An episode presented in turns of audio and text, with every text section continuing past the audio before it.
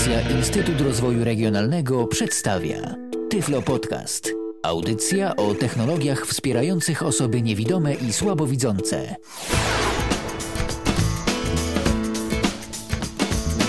I ponownie się słyszymy. Za nami Avril Lavigne i piosenka Skater Boy. Tu Radio N. Jesteśmy z wami na www.radio.nfm i www.radio.n.pl. Minęła godzina 19. Mamy poniedziałek, a zatem rozpoczynamy kolejne wydanie audycji Tyflo Podcast. To jest audycja e, dla osób niewidomych i słabowidzących. Rozmawiamy przede wszystkim o różnego rodzaju technologiach e, i o rzeczach, które takie osoby mogą zaciekawić, zainteresować albo po prostu być im pomocne. Przypominam, że ta audycja to jest uzupełnienie tego, co znajduje się na stronie internetowej www.tyflopodcast.net. Również ta audycja ukaże się po jej emisji jako podcast. Będziecie mogli sobie ją pobrać, jeżeli na przykład w tym momencie nie macie czasu, aby jej słuchać. Dziś miało być o grach audio, ale z Tomkiem Tworkiem i z grami audio spotkamy się, zresztą nie tylko z grami audio, spotkamy się za tydzień, a dziś poruszymy inną tematykę, która myślę, że mm, część osób nie niewidomych również e, zainteresuje. To będzie tematyka związana z dźwiękiem. Wspólnie ze mną jest Tomek Bilecki. Witaj Tomku. Witam. Jak cię Tomku można określić? Miłośnik dźwięku, prawda? I wszystkiego co z tym związane. No miłośnik to delikatnie powiedziane, powiedzmy. Ty się interesujesz tym wszystkim, co dzieje się z dźwiękiem, e, gdzie można sobie coś nagrać, zmiksować, odtworzyć i zmontować. I o tym właśnie dziś będziemy tak. mówić. E, przede wszystkim o mm, sprzęcie oraz o programach, e, które pomogą osobom niewidomym y, w korzystaniu z tych różnych dobrodziejstw współczesnej techniki do nagrywania dźwięku. Bo kiedyś to było łatwo, każdy miał mniej więcej równe szanse, brało się żyletkę, taśmę i się cięło na przykład. Yy, no tak, no jeszcze trzeba było po niewidomemu tą taśmę skleić.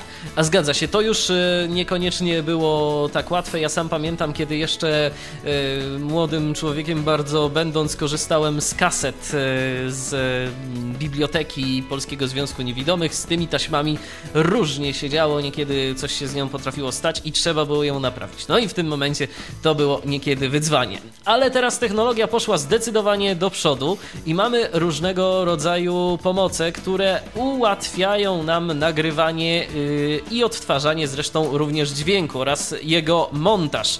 Yy, zanim jednak zaczniemy od tych pomocy sprzętowych, yy, tą naszą dzisiejszą audycję, to jeszcze przypomnę drogi kontaktu do nas tu do studia Radia N 22 398 80 27 wewnętrzny 938 to jest numer telefonu stacjonarnego. Opłata jak za połączenie do Warszawy. A Skype tyflopodcast.net, tyflopodcast.net już za momencik, już za chwileczkę ten Skype będzie do Waszej dyspozycji. O, już właśnie w tym momencie jest dostępny.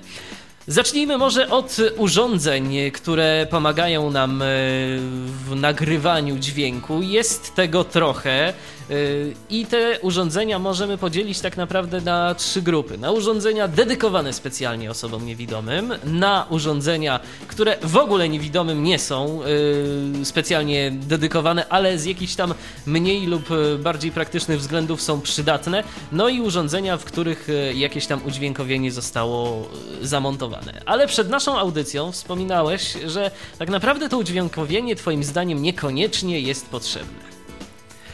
Yy, no tak, dla, to znaczy w, przynajmniej w większości przypadków, dlatego że yy, no takie udźwiękowienie to się przydaje wtedy, kiedy trzeba ustawić jakiś, jakiś AGC, jakąś szybkość transmisji bitów, czy tam coś Tomku, takiego. Tomku, ale ty już zaczynasz mówić bardzo raz. technicznie. Cóż to będzie AGC na dobry początek?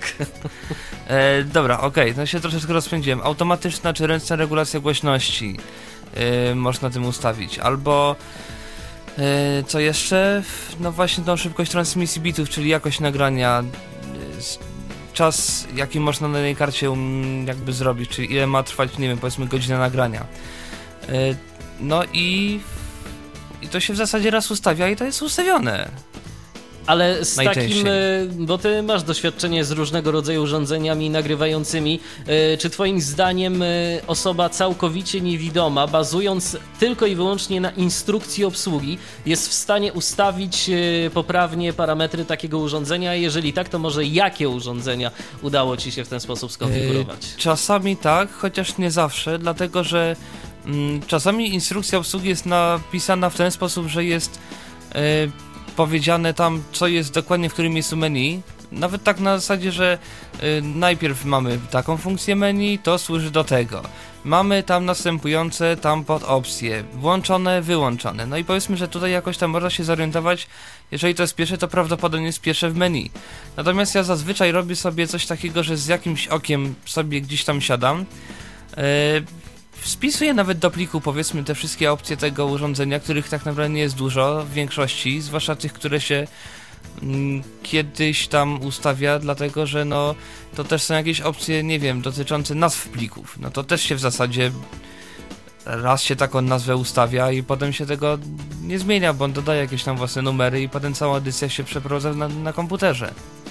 No tak, ale y, takie urządzenia mm, nagrywające, dzięki którym można sobie tam powiedzmy coś zarejestrować, czy nie wydaje ci się, że może być problem w tym momencie, kiedy na przykład y, trzeba zrobić coś bardzo szybko? Powiedzmy, jesteśmy na jakiejś, y, no nie wiem, konferencji, czy gdzieś, gdzie liczy się przede wszystkim czas, albo chcemy nagrać materiał z jakimś gościem. Zazwyczaj y, korzystamy z jakichś ustawień, a w tym momencie na przykład dzieje się taka sytuacja, że te ustawienia musimy zmienić. No i co, co teraz? Trochę jest to problematyczne. To znaczy, szczerze mówiąc, ja mam ustawione takie coś, że w zasadzie tego nigdy nie muszę zmieniać. Dlatego, że mam włączony limiter, czyli taką powiedzmy automatyczną regulację głośności, ale taką no może półautomatyczną, może w ten sposób. Yy, I tyle. I w zasadzie jakiś filtr czy inne takie rzeczy to sobie przestawiam potem już na etapie obróbki tego audio. Bo i tak tam trzeba zazwyczaj coś tam poprawić, coś uciąć, coś przykleić. No i jakby to już jest wszystko kwestia programu i w programie można taki filtr spokojnie zapiąć już potem na, na ścieżkę. Nawet na jakimś dosyć prostym programie. No dobrze, ale to teraz może spróbujmy jakoś podsumować tę kwestię. Jedyne, mhm. jedyne co jest rzeczywiście powiedzmy przydatne w tym udźwiękowieniu, to jest kwestia mm, baterii, znaczy stanu naładowania baterii. No i ewentualnie tego, ile tam czasu jeszcze zostało na, na karcie pamięci, chociaż to też jest w zasadzie coraz mniejszy problem, no bo dzisiaj karta SD 4 giga, no to jest 30 zł. Na takiej 4-gigowej karcie nawet w Wave'ach to tam się ile zmieści tych godzin z 6. A w MP3 no to już w ogóle są takie ilości, że to się w ogóle, jeżeli będziemy... Nawet nie opłaca kasować. No właśnie, więc jeżeli, a zwłaszcza jeżeli będziemy po każdym nagraniu to przenosić na kompa, to w ogóle nie ma, nie bardzo jest taka możliwe, żeby to kiedykolwiek wyczerpać. A powiedz mi, bo ja cały czas staram się mm, no, uzyskać odpowiedź jakby na to pytanie. Wiadomo, że każdy ma jakieś różne preferencje, ale ty e, na to, co testowałeś, jakie twoim zdaniem urządzenia są takie najbardziej przyjazne osobom niewidomym? No bo to wiadomo, że zależy od różnych funkcji i od różnych e, parametrów dostępnych, jak ja to mówię, na wierzchu, za pomocą jakichś suwaczków, e, przełączników albo guzików. Ale chodzi ci o urządzenia nieudźwiękowione. Nieudźwiękowione, no bo no bo, pomijamy. No bo Olympusy na razie pomijamy. To znaczy tak, dużo osób ma Zuma H2, więc to jest o tyle, że jest ten tak zwany support, no bo ktoś tam ma tego Zuma. E, Edirol, niedawno widziałem w zasadzie Rolanda R05, który ma o tyle rzecz fajną, że na spodniej płycie urządzenia jest, są trzy suwaki. Suwak od filtru, włączenie włączenia, suwak od AGC, czyli automatycznej regulacji głośności i suwak od y, zmiany czułości nagrywania. To może jeszcze powiedzmy zasadzie... od razu, po co ten filtr nam się może przydać. Filtr nam się może przydać do, że, do takich sytuacji, w której jest jest jakiś wiatr, czy generalnie dźwięki o niskich częstotliwościach, których nie chcę nagrać.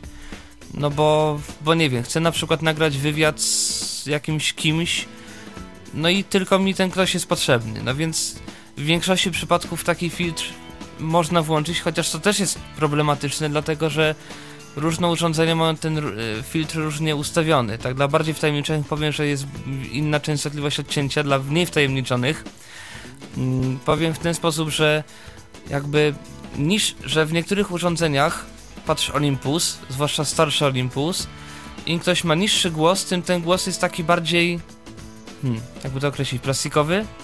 Taki jak ja sobie wytnę bas z dźwięku, to ten dźwięk taki będzie. Bez, no właśnie bez tego basu.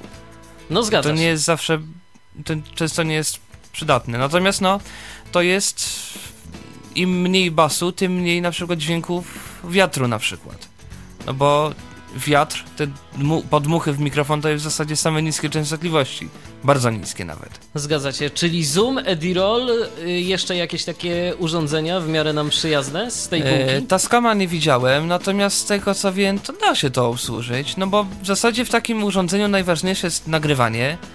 No i do nagrywania jest przycisk, który się naciska i to się nagrywa po prostu. No niestety jeszcze tu, jeżeli chodzi o nagrywanie, to trzeba też mieć dobrą pamięć, bo... Plus czułość mikrofonu. Bo jeszcze... Natomiast czułość mik... Mhm. Bo zwróć uwagę na jedną rzecz, że zazwyczaj w tych rejestratorach, przynajmniej ja się spotkałem, nie wiem czy to jest regułą, ale na przykład ja w swoim e, urządzeniu nagrywającym, czyli Zoomie H4n, e, mam coś takiego, że nagrywanie to nie jest tak od razu aktywowane. Najpierw naciskamy raz e, przycisk e, do nagrywania, a tak. później dopiero A później rozpoczynamy dopiero po raz nagrywanie. drugi jest nagrywanie. I często jest jeszcze tak, że to jest... To rzeczywiście może być pewien problem. Że po raz trzeci naciśnięcie nagrywania to jest stop. Dokładnie. E, natomiast na to są sposoby różne. No najlepiej mieć słuchawki, natomiast generalnie dobrze mieć słuchawki, żeby sprawdzić, czy nam się dźwięk nie przesterowuje chociażby. E, zazwyczaj jest tak, że jeżeli jest nagrywanie, znaczy na przykład w Zoomie jest tak H2, że jeżeli jest wciśnięte nagrywanie, to przycisk stop, czy tam w zasadzie pauza, jakby play, nie, nie robi nic. Natomiast jeżeli jesteśmy w tym trybie tylko, po, tylko podsłuchu, to ten stop wycisza podsłuch. Więc no to też są takie różne rzeczy, które jakby do. No każde urządzenie ma to, może mieć to inaczej przynajmniej. Tym bardziej, że te urządzenia się ciągle zmieniają, bo jak jeszcze powiedzmy 4-5 lat temu, to w ogóle pierwszy jakiś tam microtrack w ogóle wchodził na rynek i to była w ogóle y, wielka nowość i och, ach, że to w ogóle może mini dyski wyprzeć, które wtedy jeszcze tam powiedzmy, że jakoś tam były. No i teraz jest coraz więcej tych urządzeń. Yamaha, Edirol, Tascam, Fostex, no jeszcze Fostex nie, ale możliwe, że coś wymyśli tańszego Fostex. Ja mam na przykład Fostexa FR2L, też urządzenie dostępne, tylko że z wyższej półki cenowej. To jest powiedzmy 2,5 tysiąca złotych. A takie urządzenia, y, powiedzmy z tej kategorii zoomopochodnej, y, to trzeba się liczyć z jakim wydatkiem? Najtańszy Zoom to jest 420 zł, taka średnia cena w większości sklepów. D-Roll to jest jakieś 800, Zoom H2 też 800, y, Zoom H4n to jest jakieś 1300, D-Roll R09HR też 1400, y, Tascamy R, y, DR05 to jest jakieś 600 chyba zł, DR07 jakieś 800. No generalnie rzecz biorąc 1000 1500, 800, 400. No to też one się troszeczkę tam różnią między sobą, poszczególne modele. Przypominam, że jeżeli jakieś macie do nas pytania, przede wszystkim do Tomka, bo to on tu jest specjalistą od dźwięku, ja się dziś tym dźwiękiem zajmuję i zadaję różne pytania, ale wy też możecie 22 398 80 27 wewnętrzny 938 e, lub na Skype'ie za darmo tyflopodcast.net. Zachęcamy do y, dzwonienia. Wspominałeś Tomku o tym, że mamy tak naprawdę trzy grupy urządzeń, y, a właściwie to chyba nawet ja je No to ty wspominałeś. tak, to, to, ja, to ja wymieniłem je, e, że mamy urządzenia takie, no, które są powiedzmy dostępne bez jakiegokolwiek udźwiękowienia. Mamy te urządzenia specjalistyczne, dedykowane osobom niewidomym, no i mamy urządzenia gdzieś tam z wbudowanym udźwiękowieniem. E, jak się przedstawiają te urządzenia takie specjalistyczne, Twoim zdaniem, w porównaniu do specjalistycznych już rzeczywiście, ale nie urządzeń Tyflo, tylko po prostu do rejestratorów? Yy, krótko zwięźlej na temat.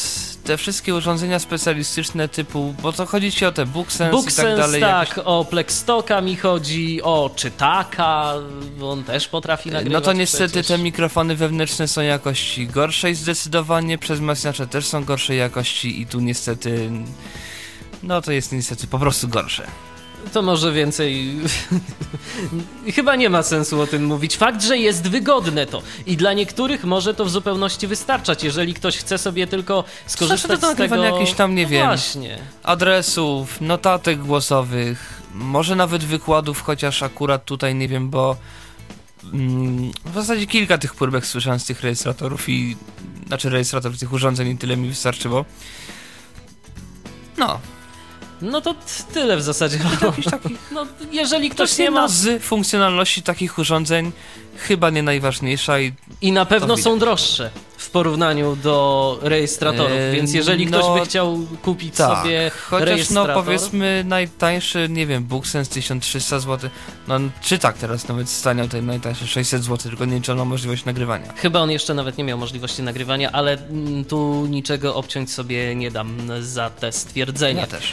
W każdym razie, y, tak to wygląda. Jeszcze mamy urządzenia, które gdzieś tam udźwiękowienie mają wbudowane. Ja wiem o Olympusach. Czy coś jeszcze jest takiego? Spotkałeś się może gdzieś Ja też wiem o Olympusach. Mm, I tylko Olympusach.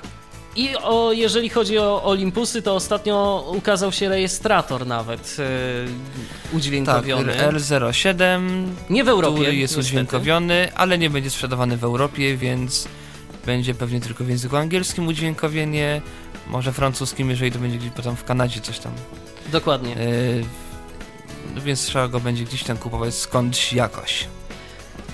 I tyle w zasadzie, jeżeli chodzi o tego typu urządzenia. Jeżeli wy korzystacie z czegoś, y, co dało się bezproblemowo udźwiękowić, to oczywiście możecie do nas e, zadzwonić i powiedzieć nam o tym. Udźwiękowić albo po prostu y, nawet skorzystać bez użycia wzroku, bo to jest najbardziej istotne. Tego typu e, narzędzia, jak e, rejestratory, przynajmniej niektóre z nich mają taką możliwość, e, żeby używać ich jako karty dźwiękowe. I tu przechodzimy już e, do kolejnej kwestii, czyli do no, w zasadzie głównego tematu programu naszego dzisiejszego, mianowicie dźwięku w komputerze, bo nie da się ukryć, y, te rejestratory mają jakieś możliwości edycyjne, ale chyba się ze mną zgodzisz, że mm, bez użycia wzroku jakieś tam cięcie, y, wklejanie i tego typu operacje lepiej realizować na jakimś udźwiękowionym y, programie. Mm, Tak, tym bardziej, że nawet y, Olympus, który jest udźwiękowiony, montażu udźwiękowionego nie ma. Już za moment po krótkiej muzycznej przerwie wrócimy do Was i porozmawiamy właśnie o tym, co przyda się naszemu komputerowi, żeby ten dźwięk e, wygodnie nagrać, a później oczywiście coś z nim zrobić. Słuchajcie cały czas Tyflo Podcastu w Radio N. Radio N.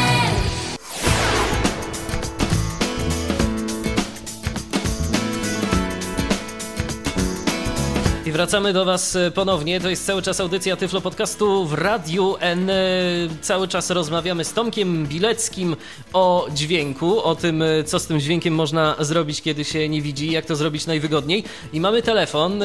Jest z nami Michał Kasperczak. Witaj, Michale.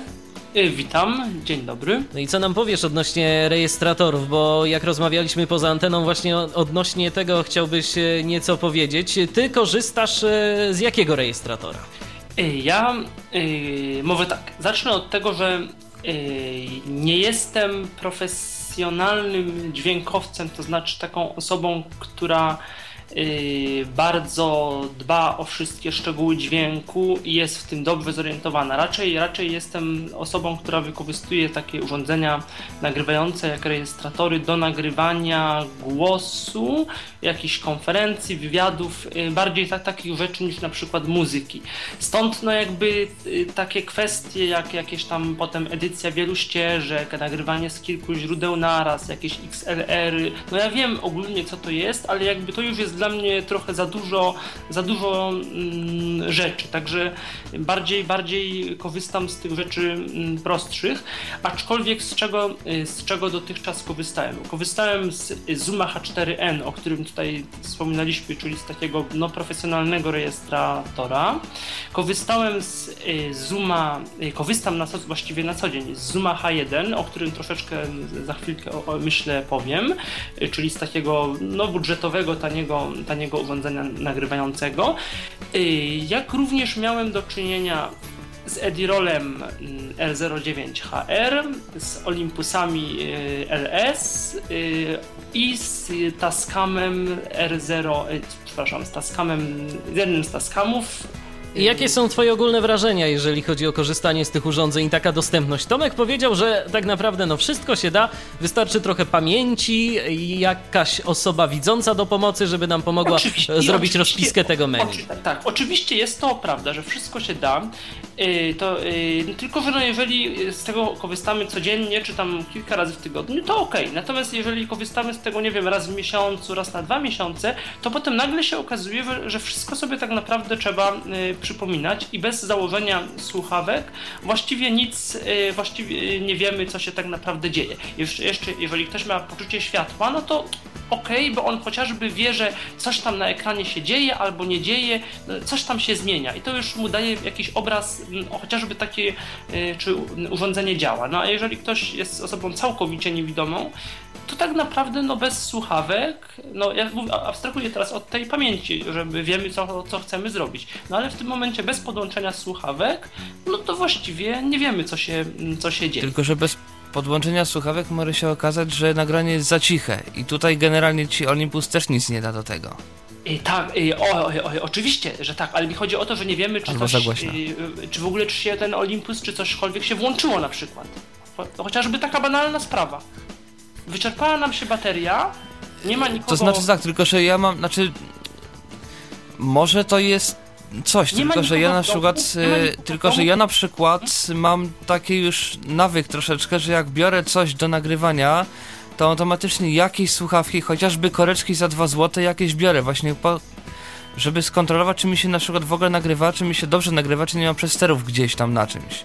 Bo jeżeli dźwięk nagramy No za tego- cicho, to jest jeszcze pół biedy, to zawsze można podgłośnić, ale problem jest wtedy, kiedy nagramy dźwięk przesterowany. No i w tym momencie to już niewiele jesteśmy w stanie zrobić.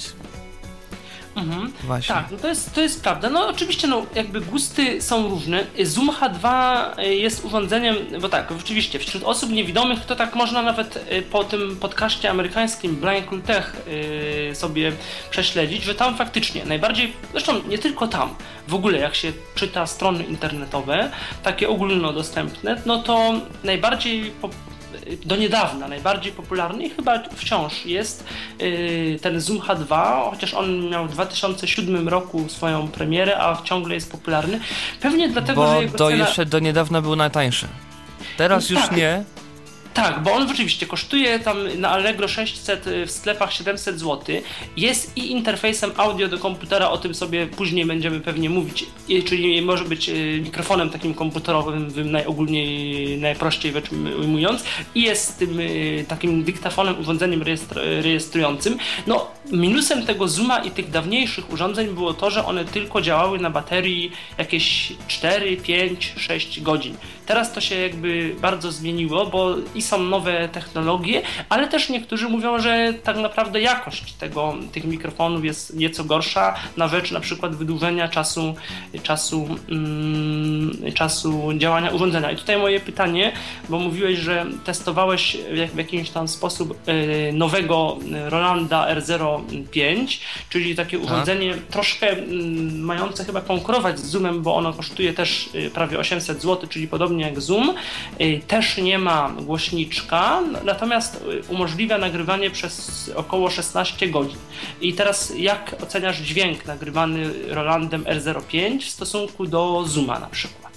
Mm, może nie w stosunku do Zooma, on jest bardzo podobny do Edirola R09HR, czyli tak porównując do Zooma H2, węższe stereo, zdecydowanie węższe stereo, dużo więcej góry, czyli tych wysokich tonów sopranów. Yy, jakby sama jakość mikrofonu jakiego takiego mi się bardziej podoba. A jak z Tyle, jest przenoszeniem niskich stereo. częstotliwości jeszcze Tomku zapytam, bo yy, Dobrze, i w zoomy... sumie i w Edirolu jest Mhm. całkiem nieźle, chociaż chyba w Edirolu jest nawet troszeczkę lepiej. Jeszcze, jest Tak, jeszcze Edirol jedna rzecz. bardziej, Dźwięk w Edirolu taki bardziej basowy mam wrażenie. Tak, niż- a zoomy ja zauważyłem, że generują taki dźwięk trochę, jak ja to mówię, pudełkowaty niekiedy. Szczególnie jak ktoś ma Trochę tak. y, dużo, y, jak ma y, głębię taką w głosie, bo jeżeli Mhm. ktoś tego basu Y. nie ma, to, to, to, to, to jest okej. Gorzej Dobrze, a jak co ktoś w ma. Trochę tak, natomiast no to nie jest Olympus, który w ogóle nie ma, ma wycięte w ogóle te basy. to da. To szkir... No, mam natomiast jest jeszcze jedna rzecz, o której chciałem powiedzieć a propos Edirola i Zooma. Zoom ma, ma mikrofony kierunkowe. Yy, Edirol ma mikrofony bezkierunkowe. I Roland, w związku z czym, bo to jest jakby ta sama firma. Kierunkowe to E- powiedzmy może od razu, że to działa w ten sposób, że w którą stronę skierujemy ten mikrofon, to z tej strony jest rejestrowany dźwięk. Tak najogólniej yy, W związku z czym, jeżeli na przykład jest właśnie ktoś nagrywa konferencje, jakieś wywiady, to tyle lepiej nagrywać na Zoomie, dlatego że mikrofon jest skierowany w stronę ust i cała reszta, no nie to, że jest niesłyszalny, bo to jest niemożliwe fizycznie, ale jest ciszsza niż jakby to nagrywał Edirolem. Czyli ten zoom się do tego jednak może nam przydać.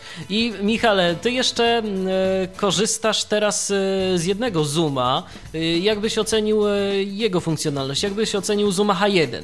To znaczy, no tak, na moje takie potrzeby mi to wystarcza właściwie w zupełności. A tylko jeszcze mam takie drobne pytanie, bo powiedziałeś y, o tym, żeby skończyć tego Edirola i tego Rolanda, Mhm. o tym wąskim, to węższe stereo. To na przykład to, to, to w praktyce, kiedy to jest, y, y, co to, co to w praktyce, znaczy wiem co to jest węższe stereo, ale co to, y, na, na co to się przekłada przy nagrywaniu? Na przykład, kiedy y, Kiedy co na nagrywam po pierwsze, kiedy, znaczy kiedy zależy mi na jakimś nagraniu, no, w którym jest naturalny y, obraz stereo. Na przykład, mm, nie wiem, koncert jakiś klasyczny, w którym jest to umiejscowienie, skrzypce są po lewej, coś jest po prawej, to raz. No po drugie jakieś nawet nagrywania, jakieś nagrania prywatne chociażby, no nie wiem, no bo spe, też sporo ludzi niewidomych, z tego co wiem, lubi sobie nagrywać coś gdzieś tam w domu jakoś tak. Taka forma Tak po prostu, żeby... rzeczywistości. Tak Właśnie, po prostu, żeby ładnie było. brzmiało. Żeby sobie można było zrobić z tego I taki jakby album im dźwiękowy szersze- na przykład. Tak, i teraz im szersze stereo, no to tym się lepiej później tego słucha, no bo ja też mam mikrofony stereo, nawet mogę, nie wiem, jakoś to tam ewentualnie bym mógł to mm, pokazać. No chyba teraz I nawet nie damy rady, dosyć- niestety. Aha, no w każdym razie, no po prostu im szersze stereo, tym wszystko jakby wyraźnie słychać, jakby lokalizację tego dźwięku, coś rozumiem, jest bardziej po lewej, coś jest bardziej po prawej i tak dalej. Mhm. A teraz y, dziękuję bardzo. A teraz y, przejdę do pytania, które Michał zadałeś na temat y, Zooma H1. No to jest, no bo w ogóle teraz rynek elektroniki, y, obojętnie czy to dotyczy laptopów, czy urządzeń nagrywających, czy niemalże czegokolwiek, no jest taki, że właściwie każda firma stara się mieć urządzenie od tego najtańszego, które y, jest w przypadku takiego rejestratora nie wiadomo już ni to rejestratorem, ni to dyktafonem. No nawet ten większość, powiedzmy, firm, nie określany telefonem, po takie urządzenia bardzo już bardziej, może tak, bardziej profesjonalne, jak ten Zoom H4n y, właśnie y, z y, wejściami XLR do profesjonalnych takich mikrofonów na przykład. No i Zoom H1 rzeczywiście się pojawił, został wiosną w zeszłym roku zapowiedziany, od października w Polsce jest do kupienia za 419 zł, czyli niedużo. No i to jest y, tak naprawdę w komplecie nic nie dostajemy, bo ani pokrowca, ani słuchawek, ani nawet kabla. Y, jest to plastikowe urządzenie. No z- po kosztach. Proszę?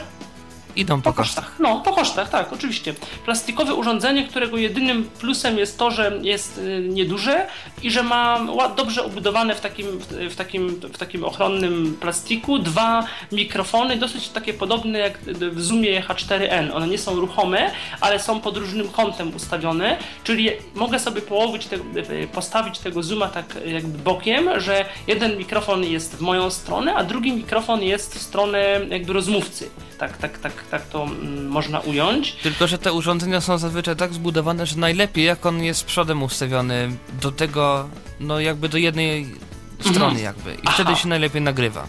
Mhm. Rozumiem. Czyli no to, mm, to, to o tym jakby mm, nie wiedziałem, no dziękuję za tą wskazówkę. Spróbuję to. Mhm.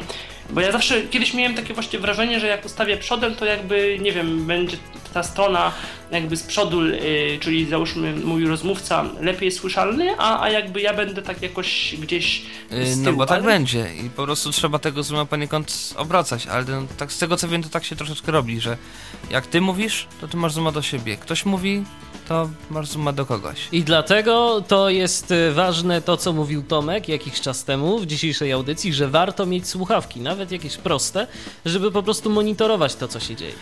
No to, Dokładnie, hmm, może, mo- jakieś mogę- małe mo- koreczki, żeby Mhm. po prostu sprawdzać, czy to się aby nagrywa, czy to się na pewno...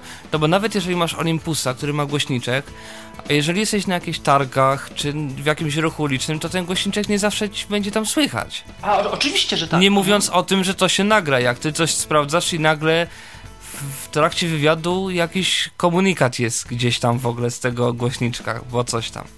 Nie, no to oczywiście, że tak, aczkolwiek, no mówię, może ja tak jestem jakby, y, ja ni- niczego, to, to, co tutaj mówicie, nie neguję, natomiast mi trudno, ale to może, no może, nie wiem, ale jakoś tak sobie mi trudno wyobrazić, y, nie wiem, siebie, że z kimś mm, no jakby rozmawiam i jeszcze myślę, y, czy jestem skupiony jakby na meritum, je- jest hałas i jeszcze myślę o, o obracaniu urządzenia w jedną i drugą stronę i o tym, Oj, Michał, to wydaje mi się, że to jest kwestia przyzwyczajenia odpowiedniego treningu.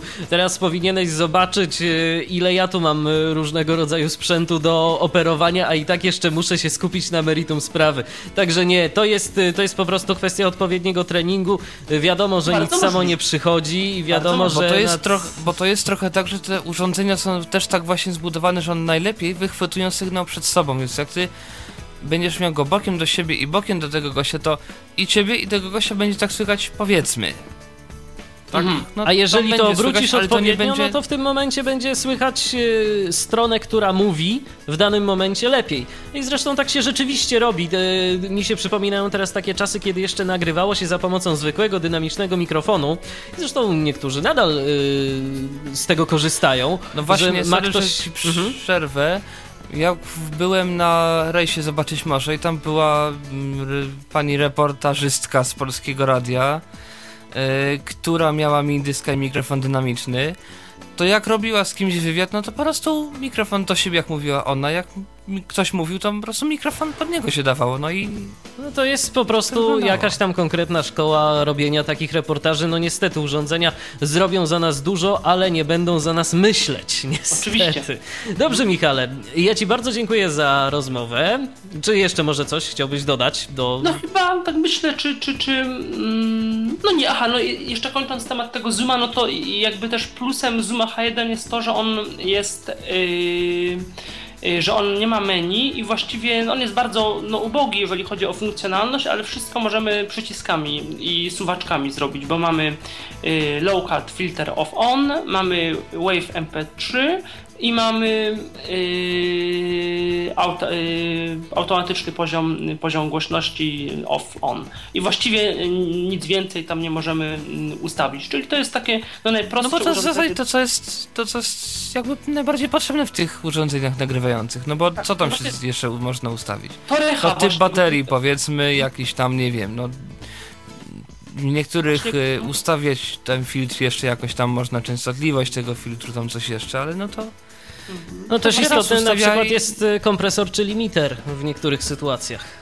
No to, to grudniowe E, no to ten AGC. nagrywałem, Mhm, z no właśnie. H1. I, to- I to właśnie było Ale tak, to też jeszcze, to, to też jeszcze ustawić. trzeba powiedzieć, że e, te z kompresorów czy z limiterów, czyli takich em, narzędzi, ja powiem jeszcze dla tych, którzy niezbyt e, kojarzą o co chodzi, to są takie funkcje danego urządzenia, e, dzięki którym e, no, mamy ten dźwięk w miarę wyrównany albo zapobiegamy jakimś tam przesterowaniom, to też trzeba z tym ostrożnie i zdecydowanie lepsze efekty mamy w momencie takim, kiedy nagrywamy suchy wokal bez jakiegoś y, obrabiania, a dopiero jego obróbką zajmujemy się y, już w wyspecjalizowanym programie, o którym może za jakiś czas dziś uda nam się powiedzieć.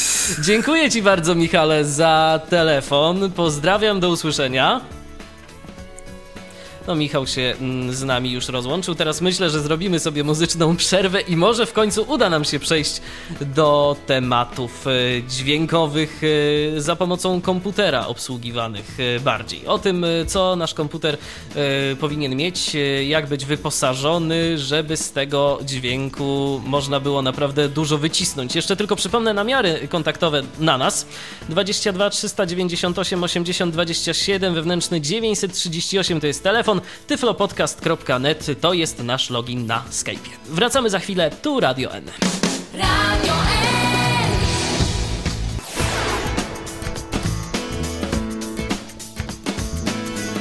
No i wracamy do Was e, ponownie. To jest cały czas audycja Tyflo Podcast w Radiu N. E, Mówią do Was dziś e, Michał Dziwisz.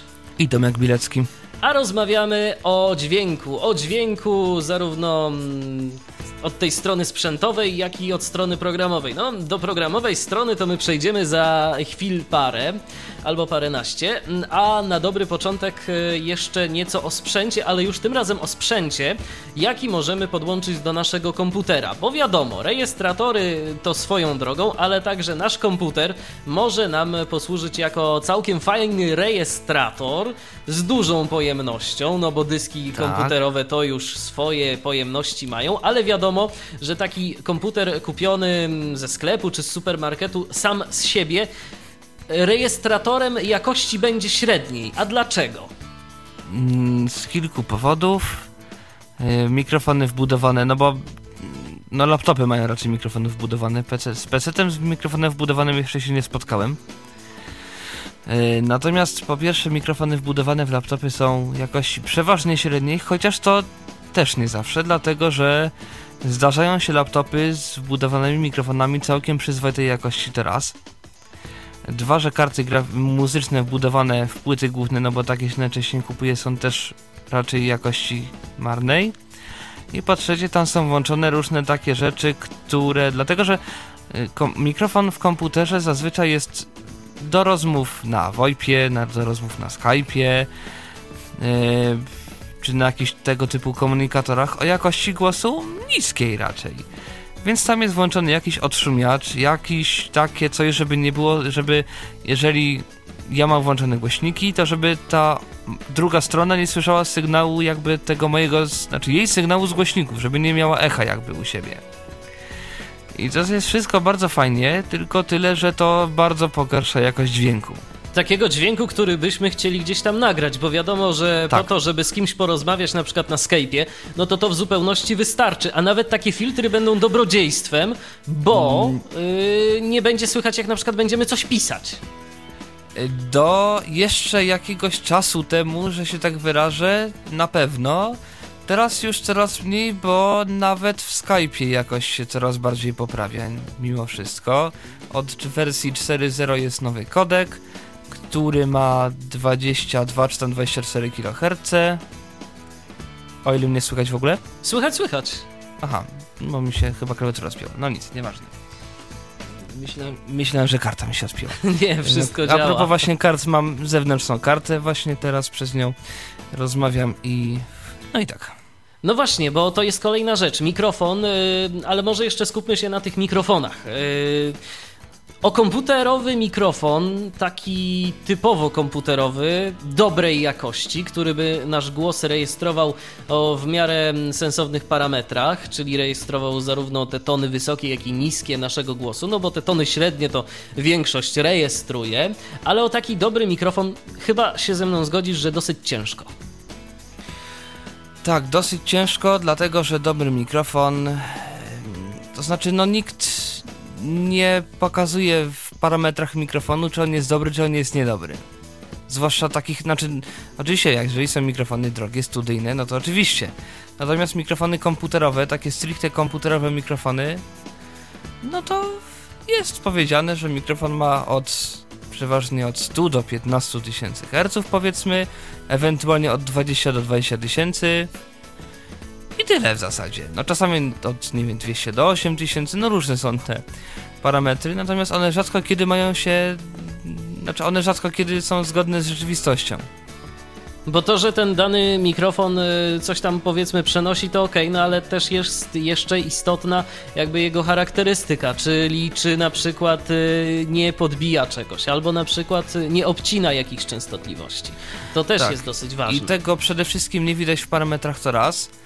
Po drugie, nie bardzo jest tego jak się dowiedzieć, dlatego jeżeli, jeżeli taki przeciętny człowiek kupuje mikrofon, to po to, żeby mu to działało ze Skype'em i jeżeli to słychać, to słychać. Jeżeli nie słychać, no to nie słychać i tyle. To znaczy, że mikrofon jest popsuty. Ale jeżeli Dokładnie. nawet y, jest popsuty, to niewielka strata, bo w końcu te mikrofony no, za przysłowiowe 6 zł czy 5,99 można kupić w jednym Yy. lub drugim markecie. Yy, tak. No właśnie, ale czasem można trafić na coś dobrego, tylko trzeba metodą prób i błędów niestety. Ostatnio wspominałeś mi, że udało się coś takiego y, namierzyć. udało się namierzyć mikrofon właśnie za te przysło- przysłowiowe 5-6 zł, bo on mniej więcej tyle kosztuje. To jest mikrofon Hama for Notebook. To jest mikrofon rzeczywiście do notebooka, yy, dlatego że mikrofon wygląda tak. Wtyczka 3,5 mm, czyli tak zwany mały jack. Yy, od wtyczki odchodzi tak, taka jakby gęsia szyjka, czyli taki wyginany, no nawet nie przewód, takie Taki wyginane pałąk coś, elastyczny. taki pałąk powiedzmy, tylko że pałąk to nie jest wygięty, to jest proste. Mhm. I pałąk ma centymetrów powiedzmy 15, zakończony czymś z gąbką na wierzchu i to jest mikrofon cały. To jest ta główka tego mikrofonu na, na pałąku.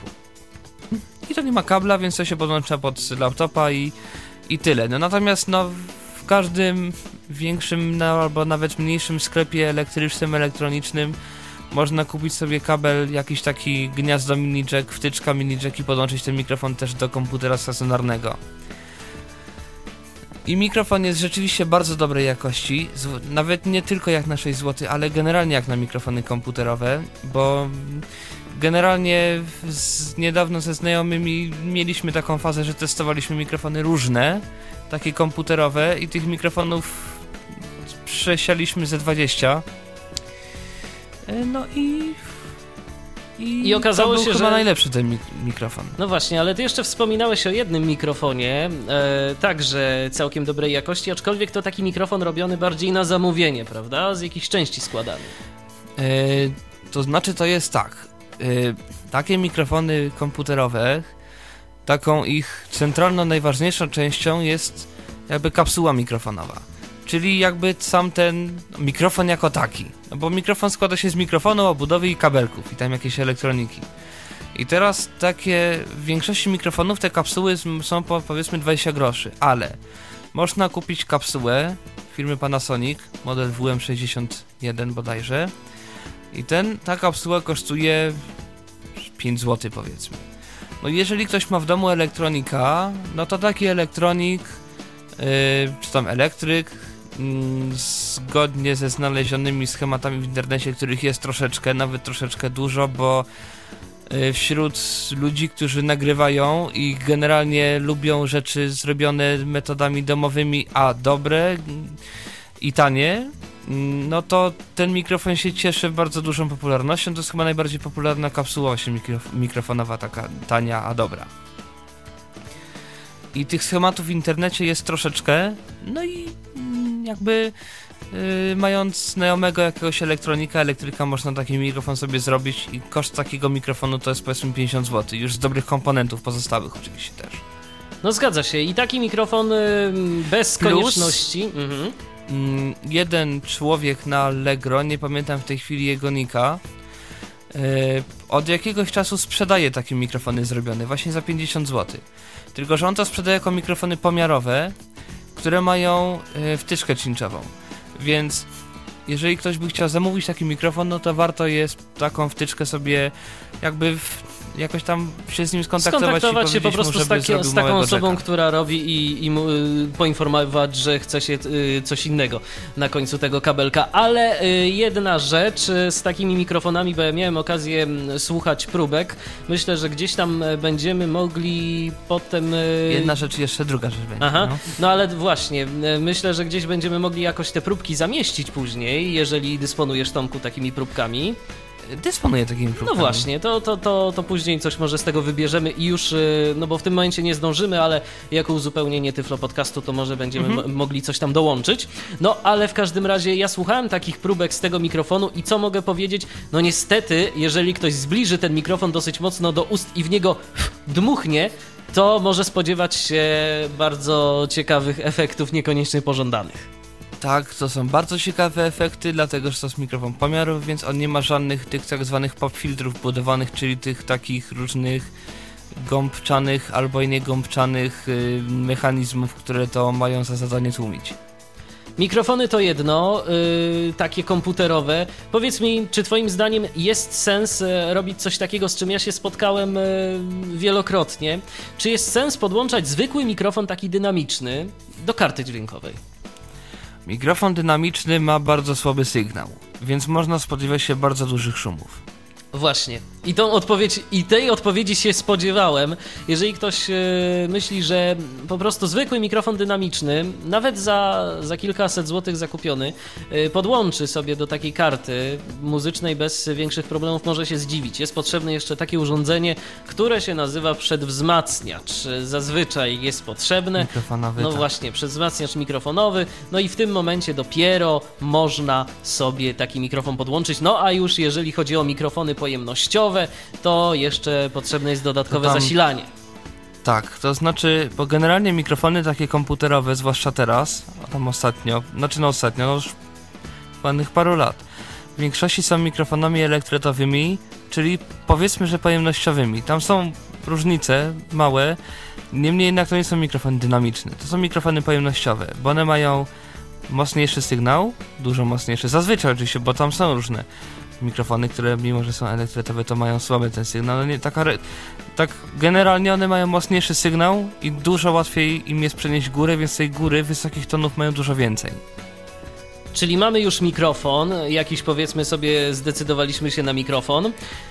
No, dobra karta, wiadomo, też by się przydała do naszego komputera, bo skoro mamy mikrofon, to no, lepiej Tak. nie korzystać z tej karty zintegrowanej. To znaczy karta zintegrowana... Karta zintegrowana. Karta zintegrowana kartą zintegrowaną to też są różne te karty zintegrowane wbudowywane w te komputery. Spotkałeś się z jakąś dobrą?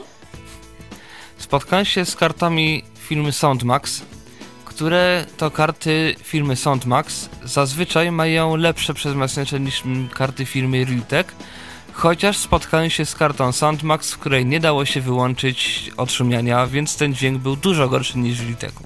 No niestety i tak bywa. No ale z, jeżeli ktoś już będzie myślał na poważnie, to także warto rozważyć em, zakup jakiejś karty dźwiękowej. Kiedyś były bardzo popularne Creative'y, to się chyba w dalszym ciągu utrzymało, prawda?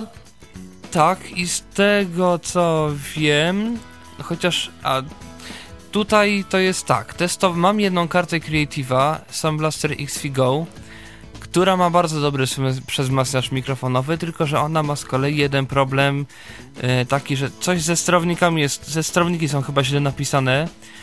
E, problem jest taki, że te sterowniki e, potrafią czasami zrobić albo screena, albo przy odtwarzaniu, albo przy nagrywaniu co jakiś czas robią takie brudy. Nie Ale umiem to pod Windowsem opisać. XP, tak? Pod tak Windowsem. XP, No pod właśnie. siódemką nie pamiętam jak jest. Pod, Pod siódemką. ja, y, jak dobrze pamiętam, to z Creative'em jest taki problem, że oni produkują przede wszystkim sterowniki do aktualnie funkcjonujących systemów. Jeżeli y, mamy kartę y, daną, to jeżeli system X jest w danym momencie na topie, to oni się najbardziej starają y, wspierać ten właśnie system. A jeżeli coś już jest przestarzałego, no to oni tam jakąś podstawową funkcjonalność y, wdrożą dla tego systemu, ale już cudów nie ma się co spodziewać. No chociaż ja pamiętam słynne karty, na przykład Sound Blaster e, Audigi, które były mm, popularne w momencie, gdy Windows XP Aha, także był na topie. Pod takimi różnymi prywatnymi kanałami mam informację, że z XVGO pod siódemką jest nieco lepiej. No właśnie, czyli, czyli to się sprawdza. Chociaż y, jak mówię o Sound Blaster Audigi na przykład, y, o karcie, którą ja miałem kiedyś, był z nią taki problem niekiedy, no, że po prostu również y, w momencie wysyłania sygnału, właściwie w momencie nagrywania sygnału, szczególnie przez programy streamingowe, potrafiła się albo zawiesić, albo doszło do jakiegoś dziwnego przydźwięku, albo ten dźwięk się nagle zwalniał. No cuda się działy w każdym razie i tak naprawdę nikt się tematem nie zajął. To jeżeli chodzi o karty, co jeszcze ciekawego dotyczącego dźwięku możemy doczepić do, do tego naszego komputera? Hmm. Są do kupienia na Allegro przez masniacze mikrofonowe za złotych 30 na przykład. Ja bym musiał się dowiedzieć, jaki to jest konkretny model, ten, który jakby znam z różnych opisów. Ale ten wzmacniacz za złotych 30, zasilany baterią bodajże R9, jest całkiem przyzwoity i można go podłączyć nawet do karty zintegrowanej w wejście liniowe. O, no proszę. Czyli no to już jest... Nie mikrofonowe, tylko to takie powiedzmy, którym się, nie wiem, zgrywa z jakichś magnetofonów czy innych takich rzeczy. A powiedz mi, jaka jest Twoja opinia na temat tego, czy jeżeli ktoś buduje sobie takie powiedzmy malutkie studio, on nie będzie chciał nie wiadomo czego tam robić, ale czy jest sens inwestować w takie urządzenie na przykład jak mikser? Mikser generalnie się przydaje przede wszystkim do mikrofonów pojemnościowych. No bo tam w, w zasadzie Oczywiście teraz, mikser y, z czymś takim, co nazywa się zasilanie Phantom. y, No właśnie o tym chciałem powiedzieć, że prawie każdy chyba mikser, przynajmniej takiej zwykłej, szanującej się firmy, niekoniecznie Huihyong Electronics, y, ma w sobie zasilanie fantomowe dla mikrofonów pojemnościowych. Przynajmniej je, jak ja widziałem miksery takie za powiedzmy tam 180 zł bodajże to kosztowało, to to miało taki przedmester dla mikrofonów pojemnościowych. Oczywiście oprócz tego są przedmastniacze kupowane osobno do takich mikrofonów pojemnościowych. Gdzieś tam, które też mają fantoma. No i one się czym charakteryzują? Mniejszą ilością szumów, tak? To znaczy to jest tak, no mikser ma oprócz przezmacniacza kilka jeszcze innych funkcji. No podstawową miksera, podstawową funkcją miksera jest no miksowanie sygnałów, czyli jeżeli mam, nie wiem, komputer czy klawisze i wokal, czyli mikrofon i tam coś jeszcze, wpinam sobie to wszystko w, jeden, w jedno pudełko pod tytułem mikser. E, Jeżeli mam to wpięte w jedno pudełko pod tytułem mikser, no to mam jakby to wszystko, mogę sobie słuchać na jednych słuchawkach i to jest chyba najważniejsze generalnie w ogóle w mikserze. Yy, właśnie to, że mam kilka tych źródeł i mogę je sobie z różną głośnością jakby sobie na tych słuchawkach posłuchać. Albo na przykład w tym momencie, kiedy mówimy do Was, e, przede mną stoi tu takie urządzenie, także mikserem zwane, nawet tak będąc No szczery. przede mną też. Właśnie, nawet będąc szczery, a to ja jestem lepszy, bo przede mną dwa stoją. Tak się pochwalę. No przede mną stoi jeden, tylko z kolei przede mną mam jeszcze kartę muzyczną, jeszcze drugą kartę muzyczną w komputerze jeszcze trzecią kartę muzyczną w komputerze. Wiesz co, ja też tu mam No. trzy karty muzyczne w komputerze, ale dobrze, Aha, skończmy, no to- się, skończmy się licytować, bo zaraz z tego wyjdzie naprawdę yy, licytacja, tak, kto ma więcej sprzętu przed sobą, ale ja chciałem tylko tyle powiedzieć, że mm, przede mną stoją tutaj takie dwa miksery i te miksery po prostu służą do tego, żebyśmy my mogli w tym momencie rozmawiać, żeby yy, pode, pod nami leciała sobie ta muzyczka, żebyśmy my mm, kiedy chcemy porozmawiać sobie poza anteną, mogli to uczynić, a wy nie musieli, a wy, żebyście nie musieli tego słuchać. No i do tego także przydaje się mikser. Mikser również e, w Tak, radiu w którym znajduje- jest sygnał jakby, z, jakby mój sygnał, sygnał Michała, sygnał tego powiedzmy muzyki, tam czegoś jeszcze. Ja słyszę Michała i tylko Michała, y, na stream idzie i ja i muzy- no wszystko idzie y, i tak dalej, i tak dalej, to jakby te funkcje, jakoś mój crossowania sygnału no w tych mikserach te Ja są myślę- mniej lub bardziej rozbudowane. Ja myślę, że mikser, kiedyś. e. No właśnie, ja myślę, że kiedyś byśmy nawet mogli zrobić całą audycję o mikserach, bo to jest temat. y, No, dosyć spory. Różne funkcje są w tych mikserach i też warto by było opowiedzieć. Teraz tylko. Oj, bardzo różnie. Teraz tylko tak zaczynamy I temat. bardzo różnie się nazywające tak naprawdę. Jedna Właśnie. funkcja może się w trzech mikserach trze... m, nazywać różnie. A to się zgadza. Dlatego teraz tylko tak zaczynamy temat, y, żeby go no niestety skończyć zaraz. No cóż, dwie minuty po godzinie 20, ale my tu jeszcze zostaniemy, bo mamy jeszcze jeden temat do omówienia, mianowicie temat y, związany z oprogramowaniem, y, za pomocą którego można sobie z tym dźwiękiem działać, y, czy go obrabiać, O czy którym można mówić co najmniej tyle samo czasu, więc... Właśnie, ale to posłuchajmy teraz muzyki, wrócimy do Was za chwilę. To jest cały czas audycja Tyflo Podcastu w Radiu N. Przypominam, drogi kontaktu z nami 22 398 80 27, wewnętrzny 938 to jest numer telefonu stacjonarnego, a na Skype'ie jesteśmy pod loginem tyflopodcast.net. Jeżeli macie jakieś e, pytania e, do Tomka albo do mnie, jeżeli coś Was nurtuje związanego z dźwiękiem, o coś chcielibyście zapytać na żywo w radiu, no to jest okazja.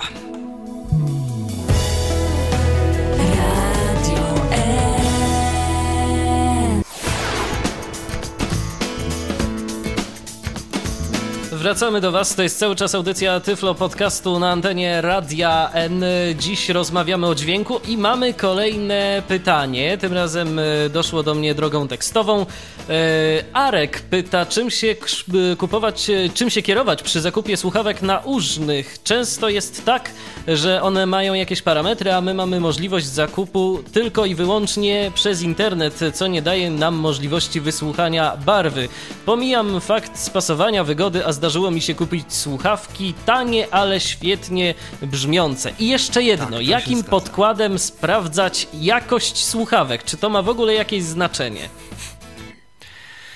Yy, hmm, znaczy generalnie to się o tym różnie mówi.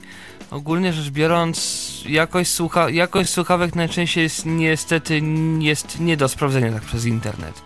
Dlatego, że większość słuchawek będzie od 20 do 20, czy tam jakaś, ta, jakaś podobna taka liczba od 20 do 20 tysięcy, od 50 do 20 tysięcy, od 15 do 25 tysięcy i to wcale nie oznacza, że one rzeczywiście mają takie pasmo przenoszenia. Nawet jeżeli mają, to nie wiadomo co się tam w środku dzieje i generalnie w jakim to jest, jaki jest jakby zakres tolerancji. Dlatego, że takie mm, takie jakby obie te wartości wynikają z pomiarów, yy, z pomiarów tych słuchawek i tych pomiarów można dokonywać różnie. Dlatego, że no, jeżeli się uprzeć, jeżeli bardzo podgłośnić głośniki takie za 20 zł komputerowe, to i bardzo niskie dźwięki można na nie jakoś tam dać, tylko że one będą bardzo cicho. I teraz generalnie jaki jest już ta granica, w której przyjmujemy, że ten dźwięk jeszcze jest przenoszony przez głośniki, albo słuchawki, albo mikrofon, no albo już nie jest przenoszony. I problem w tym, że ta granica nie jest, no nie jest, yy, pi- nie jest oznajmiana nigdzie, no nie jest, nie jest opisane nigdzie. No i jeszcze Co jedna najwyżej- sprawa. y, Ja bym na to zwrócił uwagę, że e, różne słuchawki mają różną charakterystykę. Mimo tego, że one tam przenoszą ten dźwięk, to jednak bardzo często jest tak, że mają niektóre częstotliwości podbite. Właśnie o to mi chodzi, że one mają w zakresie, powiedzmy, bo to się w decybelach wszystko liczy, w zakresie plus minus, powiedzmy 20 czy tam 10 decybeli, od tyle do tylu herców częstotliwości, czyli od takiego, takiego niskiego do takiego wysokiego dźwięku. Poza tą, yy, poza tym przedziałem dzieje się coś dziwnego, innego. Albo jest za nisko, albo jest za, za dużo, albo za mało, najczęściej za mało. Czyli najlepiej po prostu się przejść gdzieś mimo Najlepiej wszystko. się przejść i posłuchać, bo, bo inaczej to nie ma jak. Bo No też są różne na preferencje. Właśnie, opinie na Dokładnie. forum, ale też są różne preferencje. Jedni lubią y, słuchawki na przykład z podbitym basem, a innym Dokładnie. to przeszkadza. Y, jedni lubią taki dźwięk, inni taki, więc nie ma jednoznacznej opinii. Ja na przykład kupując swoje słuchawki, e, jakiś czas temu. Poczytałem o nich trochę. Ja głównie e, kupiłem je ze względu na to, że no ja w tych słuchawkach dość dużo pracuję, no i potrzeba mi było czegoś naprawdę solidnego, ale też czytałem o tym, że te słuchawki mają jakieś tam e, podbicie dolnych częstotliwości. I rzeczywiście, przez pewien okres czasu, no czułem się w tych słuchawkach dziwnie. Teraz mi to już nie przeszkadza, ale przez pewien okres czasu tak się zasta- zastanawiałem, czy ja się do tych słuchawek, które mam, przyzwyczaję. Także to jest indywidualny yy, gust każdego użytkownika, mm, co mu tam się Mhm. I jeszcze podoba. była to druga część pytania o te podkłady do słuchawek. No właśnie. I te podkłady do słuchawek, no to znaczy tak, jeżeli ja byłem na forum realizatorów dźwięku, to mówili, żeby tam dać, jeżeli się sprawdza, to kawałek, który jest dobrze, mm, dobrze jest zrealizowany i tak dalej, i tak dalej, ale taki, który dobrze znasz. Jeżeli Właśnie. tego kawałka się nasłuchałeś ileś razy i go znasz od powszechki, jak to brzmi na twoich, jak to brzmi na nie twoich i w ogóle, i w ogóle, no to, to on pewnie będzie dobry, no bo ty już będziesz wiedział jakby na nim, czym te słuchawki się cha- charakteryzują. No i oczywiście najlepiej by było, gdyby to było w jakiejś dobrej jakości, niekoniecznie MP3 32 KB czy tam, czy tam coś takiego. No, Im lepsza jakość, no to tym lepiej, no bo tym więcej można z takich słuchawek no, wycisnąć tego brzmienia. I będziemy wiedzieli, jak to brzmi. Dobrze, przejdźmy może teraz do oprogramowania, za pomocą którego osoba niewidoma będzie w stanie y, z tym dźwiękiem zrobić więcej lub mniej. No i w tym momencie przechodzimy tak naprawdę do głównego punktu naszego programu, bo mm, poza rejestratorami, no to te urządzenia, y, takie komputerowe tam, czy mikrofony, czy rzeczy tego typu, to były y, przede wszystkim urządzenia takie uniwersalne. Tu no, mikrofon podłączyć to myślę, że każdy potrafi. Y, nauczyć się obsługi miksera również. No ale jeżeli chodzi o dostępność interfejsów, programów, z tym bywa różnie. Jest to już niestety Jest niezależne od nas. To co na początek? MP3 Direct Cut, króciutko. Tak, MP3 Direct Cut, czyli program, jak sama nazwa wskazuje, do cięcia czy generalnie montażu plików MP3 i chyba tylko MP3, o ile pamiętam. Też mi się tak wydaje, że MP3. E, I co mogę o tym programie powiedzieć? Program bardzo prosty. y,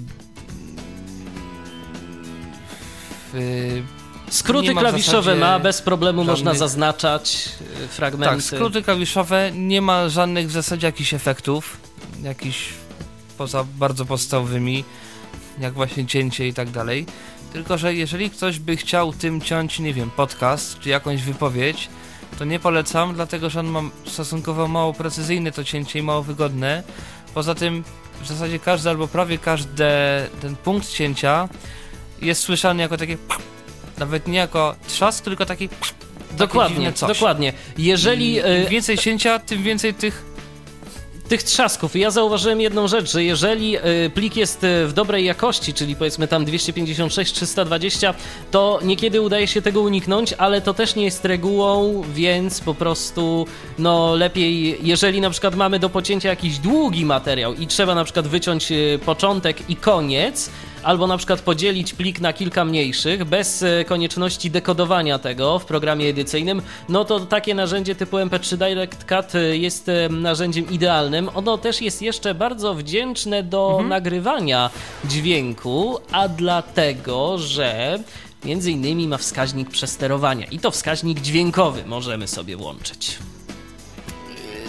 No powiedzmy, że wskaźnik. To znaczy ten wskaźnik działał, przynajmniej działał tak jak jeszcze miałem ten program kiedyś tam, że w momencie przesterowania on dawał na głośniki ten dźwięk taki standardowy, systemowy, ten... Zgadza się, zgadza się. Gwiazdka, Mhm. nie pamiętam, któryś tam taki. No i w tym momencie wiedzieliśmy, że coś nam się niedobrego dzieje, że lepiej yy, poziom yy, sygnału sobie ściszyć, no bo możemy dostać wynikowo przykrą niespodziankę. Tak. Natomiast jest tam taka jeszcze jedna niespodzianka troszeczkę, co dla niektórych w tym programie. Yy, żeby włączyć nagrywanie, pewnie wiesz o co mi chodzi. O pola, dwa pole wyboru to zaznaczenia. Pole wyboru nagrywanie i wtedy owszem włącza się przycisk, y, tym, ten wskaźnik. Ale żeby zacząć nagrywanie, należy jeszcze nacisnąć drugie pole wyboru play. No cóż. Także mamy MP3 Direct Cut'a za sobą. Yy, kolejny program, który będzie przydatny i używany, myślę, że Aha, przez... no i Aha. MP3 Direct Cut jest za darmo. Właśnie, To tak. to jest istotne, to jest istotne, chociaż y, pobieranie jego jest takie trochę dziwne, przynajmniej kiedyś było na stronę, trzeba było wejść, a potem pobierać i tak z jakiegoś tam innego miejsca w sieci. E, Tak jakoś sobie autor wymyślił. Y, Tam się pobierało to po prostu z jakiegoś zewnętrznego hostingu, który mm, trzyma y, najnowsze wersje instalek. No taka wola autora, niech, niech mu tam będzie. E, Teraz kolejny program używany przez wielu niewidomych i myślę, że chyba najpopularniejszy, więc nie będziemy tu na niego zbyt wiele czasu, myślę, tracić, ale trochę go omówić trzeba. I co on ma fajnego? Goldwave. To już program płatny. Tak. Tak, to jest program płatny, kosztuje 40 parę dolarów, czy jakoś tak. Zresztą wszystko jest w audycji Tyflo Podcast. W stosunku do MP3 Direct Cut ma bardzo duże możliwości, bo ma bardzo precyzyjne funkcje montażowe. Tyle, że on oczywiście każdy plik przekształca do Wave'a, zanim będzie poddany jakiejkolwiek obróbce. Yy, więc jakby może być tak, że będzie podwójna jakby konwersja, bo najpierw jest jedna MP3, potem to MP3 się znowu jakby do MP3 zapisuje. Ale to takie już szczegóły powiedzmy. No ale program nawet ja czasami używam właśnie do jakichś takich montażowych rzeczy, jeżeli coś trzeba zrobić poniekąd na szybko. No bo oczywiście to nie jest program jeszcze najbardziej zaawansowany z tych, które byśmy chcieli się omówić. Właśnie, a jakie funkcje ma? Takie, które mogą być przydatne osobom y, chcącym coś z tym dźwiękiem robić. Można nagrać, Eee, można wszystkim i można odszumić. edytować. tak, tak, można edytować. I edycja, czyli yy, ten filtr taki, jak tam jest w tych wszystkich rejestratorach różnych, czyli odcięcie jakichś basów, sopranów, czy tam czego tam się chce. Yy, jakiś tam korektor, odszumiacz, dosyć yy, ważna sprawa przy nagrywaniu jakichś takich właśnie rzeczy skądś gdzieś jakoś tam. No i rzeczywiście ten Eee. odszumiacz całkiem nieźle sobie radzi, muszę powiedzieć. E, Jeżeli ktoś e, słuchał w Tak. Tyflo Podcaście na przykład materiałów e, z forum dostępnej cyberprzestrzeni, już opublikowaliśmy tam e, między innymi ostatnio materiał o pozycjonowaniu, no to właśnie odszumiany był e, tym e, narzędziem z Goldwave'a.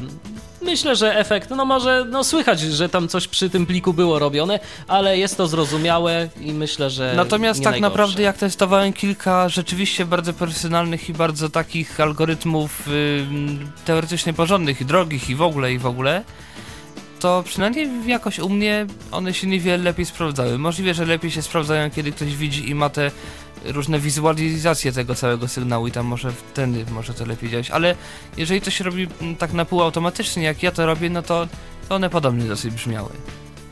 Więc y, tu już mamy kolejny plus na rzecz Goldwave'a. On nie jest jeszcze nawet specjalnie drogi. Zachęcamy przy okazji do y, posłuchania podcastów y, na ten temat autorstwa Roberta Łabęckiego w Tyflo Podcaście. Jest Tak. kilka podcastów o Goldwave'ie. Ty zresztą także swego czasu nagrywałeś y, podcast o dosyć ciekawych Yy, funkcjach tak, tego programu. ale bezstronnie mogę powiedzieć, że chyba Roberto są takie bardziej chyba systematycznie to jest nagrywane, takie mam wrażenie. Y, Tak, bo tam y, jakby od podstaw y, omawiał to, co można z tym dźwiękiem zrobić. Więc mamy Goldwave. y, Goldwave całkiem przydatnym narzędziem jest. Teraz może kolejne darmowe narzędzie, czyli Audacity.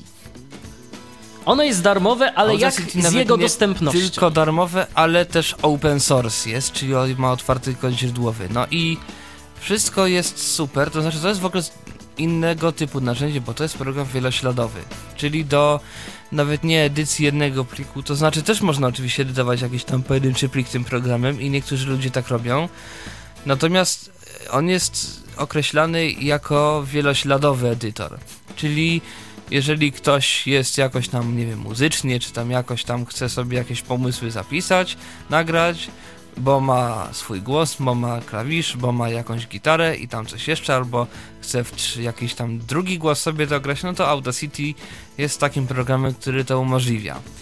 Dostępny jest jakoś tam całkiem nawet, bo tam chyba nawet producent tego programu jakoś tam próbuje te funkcjonalności jakoś tam wdrażać i do, do dostępność. Eee, tylko tyle, że mi ten program, jak kiedyś mi się tam na nim zdarzyło trochę pracować, on był dziwny, bo on się czasami lubił wysypać. Fakt faktem, że on ma mm, takie narzędzie do odzyskiwania projektów, jeżeli w trakcie jakiegoś tam zawieszenia. Natomiast on ma kilka rozwiązań dziwnych, dlatego że on na przykład, jeżeli się nagrywa e, w takim programie profesjonalnym typu Pro Tools, typu jakimś Cubase czy inny taki, to ścieżki są nagrywane do wave'ów, więc można je nawet po prostu odtworzyć w jakimś innym programie, wyedytować bez żadnych jakiejś tam zabawy w coś gdzieś. W Audacity nagrywa do jakiegoś swojego własnego formatu i wydubanie tych plików to nie jest taka prosta sprawa. Yy, Audacity nie obsługuje takiego standardu audio w, używanego w profesjonalnych aplikacjach, czyli ASIO, czyli to jest standard kart muzycznych, który pozwala na bardzo niskie opóźnienia w pracy z Może dźwiękiem. powiedzmy od razu, czy Goldwave obsługuje, albo czy MP3 Directka to Nie, obsługuje. Goldwave nie obsługuje, ani I- MP3 Direct. No właśnie, ten ostatni to tym bardziej. Tylko, że w edycji to jest mniej potrzebne, tylko mi chodzi właśnie o te funkcje wielośladowe, jeżeli ktoś nagrywa i potem się będzie słyszał z jakimś tam opóźnieniem. Bo tak, zwłaszcza jeżeli by chciał sobie dać jakiś pogłos czy efekt, no to będzie się słyszał z opóźnieniem i to takim dosyć przeszkadzającym. Rozumiem. Czyli e, jeżeli ktoś e, no, nie ma pieniążków na jakieś e, oprogramowanie, które mm, kosztuje, a wersje demonstracyjne mu nie wystarczają, no to może skorzystać z Audacity, no, które jakieś tam możliwości ma i da się z tego korzystać. Powiedzmy, natomiast ja bym, tak, natomiast ja bym to raczej radził, jeśli już w ogóle bym komuś radził, to ludziom, którzy nie mają za dużych wymagań co do właśnie nagrywania nawet takiego wyśladowego. Nagrać coś, ewentualnie ustawić głośność i tyle. I więcej im jest do szczęścia niepotrzebne, bo no te funkcje dalsze są jakoś dziwnie trochę zrobione, a zwłaszcza jeżeli ktoś by chciał potem się tym coraz bardziej profesjonalnie zająć, to ten program ma kilka takich rzeczy, które potem przeszkadzają, bo się, się uczy jakichś rzeczy, których, które nie są nigdzie wykorzystywane w żadnych programach takich y, profesjonalnych. No to teraz, Tomku, myślę, że zrobimy sobie odrobinę muzycznej przerwy, bo za moment powiemy jeszcze o jednym programie. Yy, chociaż nie, jeszcze zanim muzyczna przerwa, to jeszcze może króciutko o SoundForge'u, bo z tego też korzystają osoby niewidome. Yy, tak, z tego korzystają osoby niewidome, ale ja się do nich nie zaliczam. To znaczy, kiedyś próbowałem z niego korzystać, tylko że program w pełnej wersji sporo kosztuje. Program ma kilka. Yy, to znaczy tak, no program ma więcej jakoś tam efektów, niektóre są lepsze. No, moim zdaniem Goldwave właśnie... Wszystkie procesory. No właśnie, moim zdaniem te efekty od Goldwave'a SoundForge ma zdecydowanie lepsze, na przykład jeżeli chodzi o jakąś tam powiedzmy kompresję dynamiki, bo kompresor w Goldwave'ie, y, czyli to jest y, takie narzędzie, dzięki któremu wyrównamy sobie poziom głośności całego Takie coś jak pliku. automatyczna regulacja Właśnie. głośności w tych wszystkich rejestratorach. Jeżeli ktoś ma Olympusa, to na pewno wie co to jest, bo w starszych Olympusach serii DS to jest generalnie włączone. Jeżeli ktoś klaśnie i tam będzie miał jakiś szum, to ten szum mu się ściszy na chwilę i znowu się przygłośni. I się To jest właśnie kompresor. Właśnie, ale teraz jeżeli chodzi o kompresor w Goldwave'ie, to działa to, no jak dla mnie beznadziejnie. Ja może nie umiem. Działa to dziwnie i są dziwne parametry tam ponazywane. Tam mam wrażenie, że tam to ten kompresor robił nie realizator dźwięku, tylko informatyk. Bo tam są jakieś dziwne w ogóle pojęcia. Ja się uczyłem realizacji, ja generalnie coś o tej realizacji wiem, natomiast z takimi pojęciami jak w tym kompresorze to się jeszcze nigdzie nie spotkałem. No cóż, to się w końcu spotkałeś. Ale rzeczywiście, efekty nawet tego kompresora nie są zadowalające jak dla mnie. Yy, W SoundForge'u nawet i yy, przepuszczenie tego przez zwykłe Normalize, yy, bo tam jest jeszcze no, procesory dynamiki, to to jest zupełnie jeszcze inna bajka, to tam są lepiej rozwiązane, lepiej to działa, słychać tego lepsze efekty. Natomiast... co mi się w SoundForge'u osobiście nie podoba, nie wiem czy ty to potwierdzisz, albo być może no ja mm, nie skupiłem się na tyle. To znaczy ja za mało chyba korzystałem Mhm. z niego, żeby tak ja też, wiesz, ja, ja bardzo- korzystałem trochę z e, SoundForge'a, ale to już było kilka wersji do tyłu, być może teraz się to zmieniło zupełnie, ale ja pamiętam, że mi się tam bardzo nie podobało zaznaczanie. To było precyzyjne, ale żeby coś zaznaczyć, to trzeba było wejść do okienka dialogo- dialogowego, ustawić początek, ustawić koniec, e, później jeszcze... To znaczy, z tego co wiem, to jest możliwość takiego robienia w trakcie, w locie tego zaznaczenia. Tylko, że jakoś dla, do mnie to nie przemawiało. Natomiast znam osoby, które rzeczywiście na tym SoundForge działają, całkiem nieźle działają, acz- aczkolwiek znam również osoby, które pracowały na SoundForge'u i po mm, jakimś tam rozmowie, powiedzmy, przesiadały się na Goldwave'a i to się okazywało, że to jest całkiem fajne, no i że dużo tańsze przede wszystkim. No zgadza się, a do używania jakichś kilku funkcji programu, które są przez nas wykorzystywane na co dzień, no nie trzeba kupować y, całego kombajnu, no bo SoundForge naprawdę ma tych funkcji bardzo dużo, a z jego dostępnością E, I da kosztuje się... złotych bodajże 900, czy jakoś tak. No chyba nawet więcej. Chyba nawet więcej SoundForge kosztuje. No, ale w każdym razie... Coś, tak mi się, że coś koło tego. No ale w każdym razie, jeżeli ktoś nie potrzebuje mm, tak bardzo rozbudowanego narzędzia, no to, to może jednak coś tańszego albo zupełnie darmowego. Yy, za moment przejdziemy sobie do no już ostatniej części naszego dzisiejszego programu. Będziemy rozmawiać o Reaperze, czyli o czymś, o czym już podcast nagrałeś, ale myślę, że jeszcze trochę rozbudujemy to, bo zabrakło mi w tym podcaście, zresztą chyba nie tylko mi jeszcze paru takich podstawowych y, No rzeczy tak, to było. O które cię za moment będę męczył. To jest cały czas Radio N, to jest cały czas audycja Tyflo Podcast w Radio N. Jeżeli macie do nas jakieś pytania, to proszę bardzo, 22 398 80 27, wewnętrzny 938. Jesteśmy też na Skype'ie tyflopodcast.net. Radio N.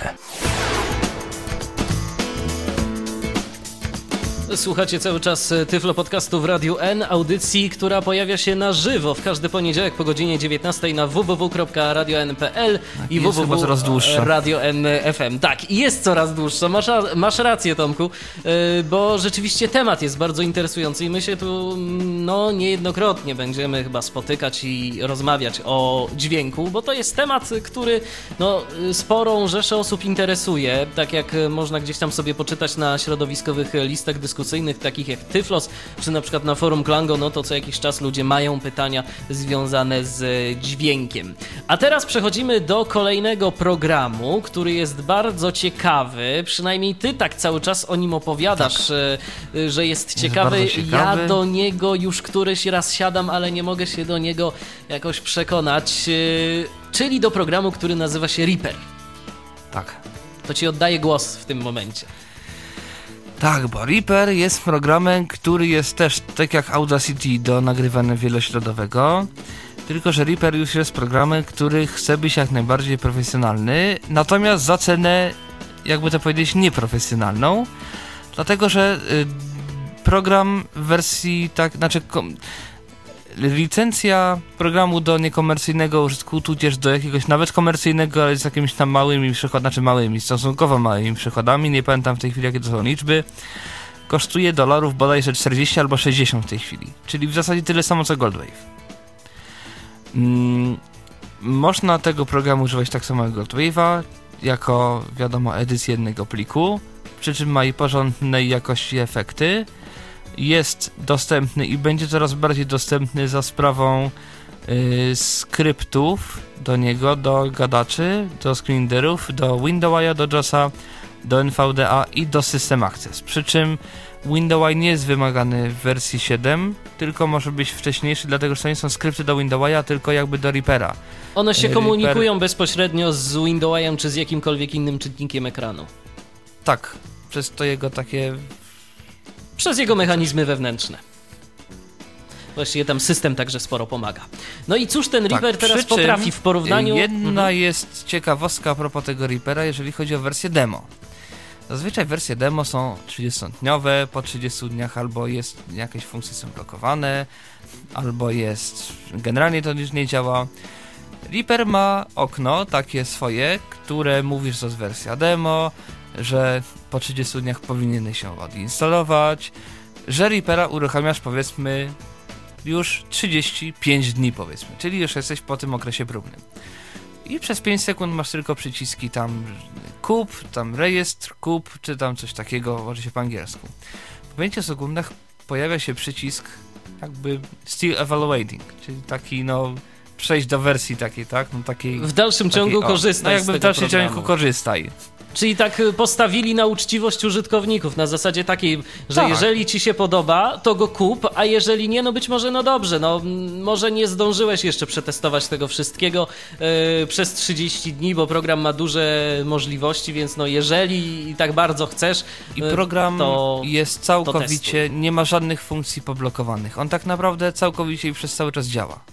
To troszeczkę jak Total Commander, którego też wersja demo jest taka, że naciśnij przycisk 2, aby tam korzystać. I się korzysta Czyli i takie tyle. podejście bardzo fair do użytkowników. No wiadomo, że z drugiej strony jest z tym różnie, no ale miejmy nadzieję, że ci, którzy e, korzystają z Reapera, to zakupią jego licencję, która no nie jest droga, to trzeba przyznać. W porównaniu do różnych innych programów tego typu to są niewielkie pieniądze, bo Reaper potrafi Tak. naprawdę sporo w porównaniu do Goldwave'a na przykład. e, to- Tak, Reaper potrafi naprawdę sporo, e, tylko że Reaper, Reapera bym w pewnym sensie, oczywiście przynajmniej na razie, póki nie ma jakiegoś porządnego tutoriala do Reapera, e, dla osób niewidomych oczywiście, bo dla osób widzących to jest tych trochę troszeczkę tych tutoriali. Natomiast e, no, Reaper jest dosyć takim programem skomplikowanym. Dlatego, że on tam, no on jakby, no program jest przygotowany na to, że on będzie też między innymi pracował w studiu, więc ma różne studyjne opcje i do różnych studyjnych jakby możliwości ma, jest przygotowany. Łącznie z tym, że on może obsługiwać do, do 64 kanałów audio bodajże jednocześnie. Na jed, jakby 64-kanałowy dźwięk. Przy czym to nie jest, nie ma nic wspólnego ze ścieżkami, bo o takich 64-kanałowych ścieżek można tam dawać do bólu bodajże. Więc tam jest to w ogóle no naprawdę porządnie rozbudowane. Tam jest obsługa audio, obsługa MIDI, obsługa tam czegoś jeszcze. Można sterować tym programem za pośrednictwem tych kontrolerów takich MIDI, tudzież kontrolerów takich w ogóle studyjnych na różnych protokołach typu y, Human User Interface. Mm, to są takie rzeczywiście bardzo profesjonalne urządzenia, które kosztują jakieś tysiące złotych albo i dolarów. No oczywiście ASIO obsługuje całkowicie, nie tylko ASIO, bo tam w ogóle z tych protokołów ileś Wave Sound, jakiś Direct Sound, tam coś jeszcze. No tam tego jest kilka. Natomiast jedną rzecz, którą ma i bardzo ważne, że ten program to ma, to znaczy, że ma edytowalne skróty klawiszowe. Czyli każdy może sobie to skonfigurować tak, jakby sobie tak, tego jeżeli życzył. komuś jest potrzebno, są potrzebne skróty tylko i wyłącznie do edycji audio, to całą resztę wywala albo z niej nie korzysta i sobie tylko robi te skróty klawiszowe do edycji audio. Dlatego, że granie tych skrótów klawiszowych w Reaperze jest bagatelka 2000. To jest tak troszeczkę jak z Fubarem, że on także ma duże możliwości konfiguracyjne, czy na przykład z Mirandą, ale żeby to wszystko skonfigurować, to trzeba trochę czasu i trzeba przede wszystkim jeszcze wiedzieć, co się chce osiągnąć. Mm, to znaczy, może nie tak jak z Mirandą, bo Miranda jakby sama z siebie nic nie umie i on dopiero trzeba skonfigurować. No tak, bazuje na wtyczkach. Wtyczki. No zresztą tak samo jak Fubar czy, eee, czy, czy Winamp. No, to a Reaper tak naprawdę on już ma w sobie sporo rzeczy i on już jest przygotowany, tylko tyle, że jeżeli by ktoś go chciał jakoś tam bo on ma bardzo, on ma ogromne możliwości personalizacji. Akurat dla niewidomych to jest mniejsze tam jakieś tamten, natomiast on tam możesz wszystkie elementy interfejsu w ogóle pozmieniać graficznie.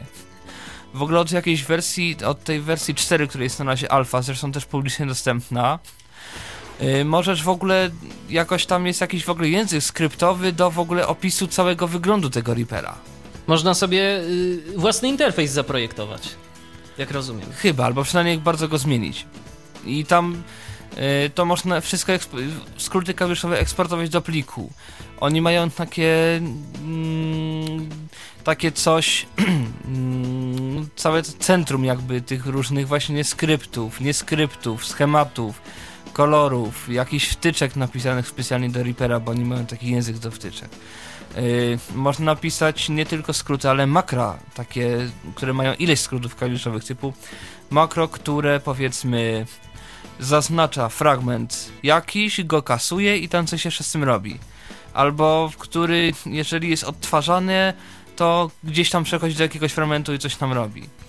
No i tak dalej, i tak dalej. Oczywiście no, to jest już kwestia kreatywności użytkowników, to co wymyśli. No oczywiście, że tak. Dla użytkowników, którzy lubią grzebać się w informatyce, programować, to Reaper obsługuj, można pisać e, skrypty do Reapera w Pythonie i w czymś jeszcze, nie pamiętam w czym, w Perlu chyba. No to jest, no czyli można w ogóle rzeczy robić. Reaper ma SDK, którym którym można pisać jakieś w ogóle własne funkcjonalności do tego Reapera. Tak był pisany ten Reaccess, czyli właśnie to udźwiękowienie do, do tego programu. Właśnie z użyciem SDK Reapera. Reaper ma sporo funkcji, ale ja powiedziałem jakiś czas temu, że jakoś nie mogę się do niego przekonać. E, I teraz e, ja powiem dlaczego. Dlatego, że no, ja y, od programu do edycji audio nie mam zbyt wielkich wymagań. Mm, ja bym chciał otworzyć sobie jakiś plik, i w miarę wygodnie móc na przykład go przeedytować, dlatego że obecnie moja działalność e, związana z audio to polega głównie na wycinaniu jakichś różnych rzeczy z plików e, z podcastami. No niestety w Reaperze y, nie jest to tak intuicyjne jak w Goldwave'ie na przykład, albo może po prostu ja nie widzę, że to jest tak intuicyjne. To znaczy inaczej, on mm, może nie tyle, że jest to nieintuicyjne, bo to jest intuicyjne, tylko trzeba znaleźć skrót jakby do tego klawiszowy, tudzież w ogóle, dlatego, że no to jest tak jak nie wiem, y, w Wordzie można pisać notatki szkolne. Y, no tylko tyle, że no, no Lepiej w notatniku. No właśnie. E, natomiast tak naprawdę myślę, że jeżeli ktoś by się przyzwyczaił do tego Reapera, to w nim można to spokojnie robić i to jest yy, może być równie intuicyjny tak naprawdę jak w Goldwave, no tylko trzeba do tego jakoś dojść i trochę o tym poczytać przynajmniej chwilę, dlatego że no trzeba dojść do tych skrótów klawiszowych odpowiedzialnych za edycję, no i je wykorzystać jakby. No i być może Natomiast nawet można ono by sobie takie jakieś makra gdzieś tam zrobić, y, które by ułatwiły Mhm. pracę. Natomiast tak naprawdę on ma takie skróty jak w Goldwave'ie do w, do Zaznaczania? zaznaczania, czyli wstaw, zas- wstaw początek zaznaczenia, wstaw koniec zaznaczenia, odtwarzaj zaznaczenie, wytnij zaznaczenie, yy, wklej zaznaczenie i tak dalej, i tak dalej. Czyli to się wszystko da Nałóż zrobić, po prostu efekt jest na kwestia... zaznaczenie i tak dalej. I tak dalej. Właśnie, a propos efektów i a propos edycji y, całkowitej y, danego projektu w Reaperze, to ty wspominałeś, że no tam y, można zrobić to dosyć ciekawie, bo można w zasadzie każdy element tego projektu niezależnie w dowolnym momencie zmienić. To może o tym nieco opowiedzmy. Tak, to znaczy Reaper ma coś, co ma w zasadzie większość profesjonalnych programów do dźwięku. Nie wiem, czy Soundforge też tego nie ma przypadkiem. To się z angielska nazywa Non-Destructive tam Editing. Generalnie chodzi o nieniszczącą edycję. Bo jeżeli w Goldwave'ie powiedzmy chcę sobie na, co, na coś nałożyć, nie wiem, pogłos, czy odszumić powiedzmy. No dobra, odszumiam, ok. I plik się, jest processing okno, jest pasek postępu i jak się zrobi, to plik już jest odszumiony. I jest odszumiony. I dalej powiedzmy, chcę jeszcze coś z tym zrobić, nałożyć tam jakiś korektor, bo tam powiedzmy dźwięk jest dziwny i chcę tam czegoś jeszcze dodać, bo mam mało góry, więc chcę tej góry powiedzmy dodać. Dodałem góry, ale w pewnym momencie mówię, że wszystko fajnie, tylko ja bym chciał niekoniecznie go odszumić, albo trochę mniej go odszumić. No jest problem, no bo on już jest po korekcji, więc muszę go jeszcze raz poniekąd odwołać, ewentualnie robić undo i zrobić undo od wywalenia korekcji, od wywalenia odszumienia, załadować inne odszumienie, A jeszcze niech się okaże, że w między... korekcję. Jeszcze niech się okaże, że w międzyczasie dokonaliśmy jakiejś edycji e, danego pliku, która nam zajęła kilkadziesiąt Tak, minut. tak. I to generalnie wszystko wyedytowaliśmy, a to jest na początku, w ogóle to na początku zrobiłem, ale jakby potem się okazało, że to zrobiłem źle. I Albo tak zapisaliśmy naprawdę- już ten plik, na przykład. Tak. No chociaż podejrzewam, że w Reaperze? Jakbyśmy zapisali ten projekt, to już też niewiele by dało się... Czy dałoby się? E, to znaczy w Reaperze jest tak, że masz osobny plik projektu, który ma kilkaset kilo powiedzmy i tam są tylko te jakby informacje, a, ca- a całość jest w plikach, a cała reszta jest w wave'ach. I w ogóle w Reaperze możesz mieć ileś wersji tego samego. Jedną sprzed edycji, drugą po edycji, trzecią jeszcze tam kiedyś i sobie je zmieniać w trakcie i tak dalej. Natomiast mi chodzi o to, że Reaper ma coś takiego, że on jakby w trakcie tak naprawdę, jeżeli odtwarzasz, to on dopiero wtedy na żywo ten efekt yy, daje, jakby w czasie rzeczywistym. Czyli on otrzumia mm, i korektuje. Oczywiście to zajmuje ileś procent procesora, natomiast te efekty Reapera są bardzo dobrze napisane i one bardzo mało mocy procesora wykorzystują. I, moż- I to nam daje tyle, że jeżeli coś się okaże, że jest źle, to mogę zmienić ten efekt albo któryś wyłączyć, a cała reszta normalnie działa. No to Bo rzeczywiście, to jest wszystko rzeczywiście bardzo, bardzo fajna funkcjonalność. A Tomku, ja zapytam jeszcze tak, no już powoli zmierzając do końca naszej dzisiejszej audycji, e, jak długo zajęło Ci opanowanie przynajmniej takie podstawowe y, funkcji Reapera? To ciężko tak naprawdę powiedzieć. Yy, dlatego, że to jest tak, że jak chciałem coś od Reapera, to ja po prostu patrzyłem, szukałem tej funkcji. Na początku chciałem coś zobaczyć, no to szukałem tej funkcji, żeby coś nagrać. Znalazłem funkcję, no to nagrałem, wszystko było fajnie. A teraz mówię, dobra, teraz chcę nałożyć efekt. No to szukam funkcji, jak tu się nakłada efekt. No i ciężko powiedzieć, ile to, za, ile to zajmuje, dlatego że y, no to też trochę zależy, co dla kogo z podstawową funkcjonalnością, bo dla niektórych funkcjonalno, podstawową funkcjonalnością w Reaperze jest nagrywanie właśnie takie, jak ty mówisz, albo edycja audio. Dla niektórych podstawową funkcjonalnością będzie nagranie jednej, drugiej, trzeciej ścieżki i tego zapisanie tak jak w Audacity powiedzmy. I to dla niego. I to są zupełnie inne rzeczy jakby w tym Reaperze. Dla trzeciego z kolei trzeci będzie chciał nagrać coś przez MIDI, bo ma klawisz, ma jakieś wirtualne syntezatory i chce sobie nagrać jakąś wam własną piosenkę w oparciu o te syn- i cała reszta mu nie jest w ogóle potrzebna na przykład. I to wszystko da się zrobić w Reaperze. I to wszystko da się zrobić w Reaperze. Yy, no, warto jakkolwiek orientować się w realizacji dźwięku. Warto oczywiście jakkolwiek orientować się w angielskim i warto przeczytać mm, manual od Reapera. Taki zwykły, bo tam oczywiście jest, będzie dużo opisów w rodzaju naciśnij czerwone kółeczko, aby coś tam. Jeżeli kółeczko mruga na zielono, to coś tam. No tylko tyle, że jakby to, te wszystkie kółeczka i tak dalej, to jest yy, z kolei w rytmie od Reaccessa, od tego udźwiękowienia jakby i tam jest jakby te funkcje wykorzystane, jak to się pełniej widomemu robi. Jest to po Natomiast prostu tu chodzi- opisane, ale żeby z samą ideą generalnie- pracy się zapoznać, to trzeba przeczytać Tak. e, manual do, do Reapera. Tak, co to jest y, marker, co to jest item, co to jest powiedzmy uzbrojenie ścieżki, na czym to polega, Y, dlaczego na ścieżce jest monitor, y, na przykład, y, czyli odsłuch, włączony, wyłączony i tam jakiś jeszcze inny tam tape auto style na przykład, jest coś takiego przy odsłuchu. Można sobie To jeszcze także podsłuchać Tyflo podcastu o Reaperze. Ty Tomku poza anteną powiedziałeś, że być może jeszcze z- będzie na naszych łamach y, nieco audycji już tak y, konkretnie traktujących o różnych funkcjonalnościach Reapera. No miejmy nadzieję, że się Tak, pojawią. Bo chciałem, no miałem tutaj kilka sygnałów, że to tak średnio wyszło i chciałem to zrobić lepiej i mam nadzieję, że mi to się uda jak, naj, jak najszybciej. Y, Jeszcze mm, co do programów audio, oczywiście są takie narzędzia, ale to już są dosyć drogie, mm, tak y, przynajmniej z tego co ja kojarzę. No jest powiedzmy Sonar, to dla tych, którzy komponują muzykę, jest y, Pro To znaczy Sonar jest programem też tego rodzaju jak Reaper. Tylko to się tak troszeczkę różni jak JAWS kontra Windows powiedzmy. To są te jakby, no to też są tak jakby tego rodzaju różnice, że no w jakimś programie coś będzie gdzieś tam wyciągnięte na wierzch, w drugim będzie to troszkę bardziej schowane w menu powiedzmy. No ale Sonar też jest droższy, prawda?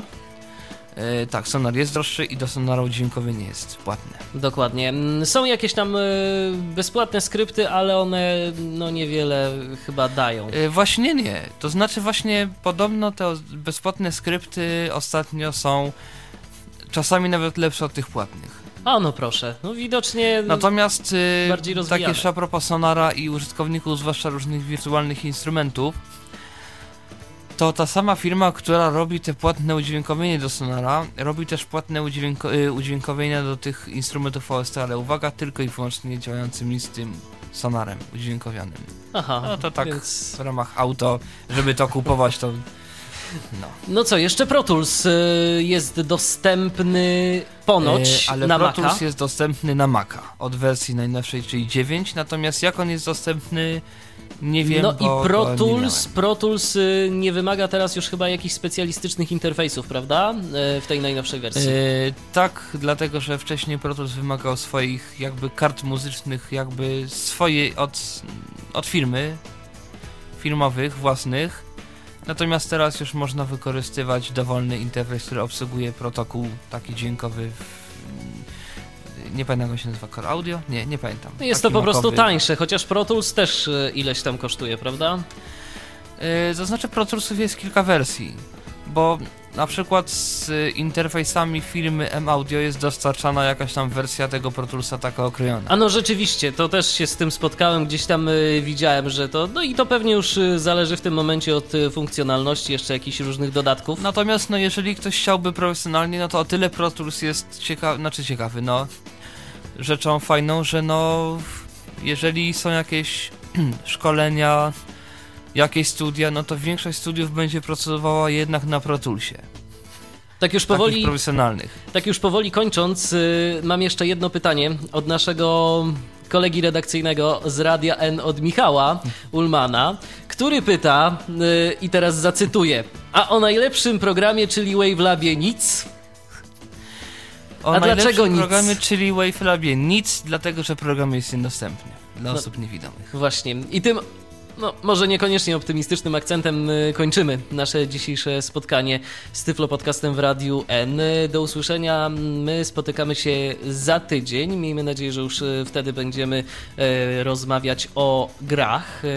Audio i nie tylko audio. No a Tobie, Tomku, dziękuję za wspólnie poprowadzoną audycję i mam nadzieję, Ja że się jeszcze je, niejednokrotnie spotkamy i będziemy rozmawiać o dźwięku, no bo to jest temat, No ja również. bo to jest temat, który jak się okazuje można Temat ciągnąć, koń, ciągnąć w nieskończoność i naprawdę jeszcze myślę, że tak gdybyśmy się rozgadali, to w okolicy 24 to ta audycja by się skończyła, albo dopiero wchodzilibyśmy na jakieś wyższe obroty. tak. Dziękuję bardzo Tomku za rozmowę. Do usłyszenia. Ja również, Ja również. się z Państwem żegnam. My słyszymy się za tydzień. Kolejny Tyflo Podcast w Radiu N wtedy się pojawi. Po godzinie 19. Zapraszam serdecznie. Michał Dziwisz. Kłaniam się. Do usłyszenia. Był to Tyflo Podcast. Audycja o technologiach wspierających osoby niewidome i słabowidzące. Audycja współfinansowana ze środków Państwowego Funduszu Rehabilitacji Osób Niepełnosprawnych.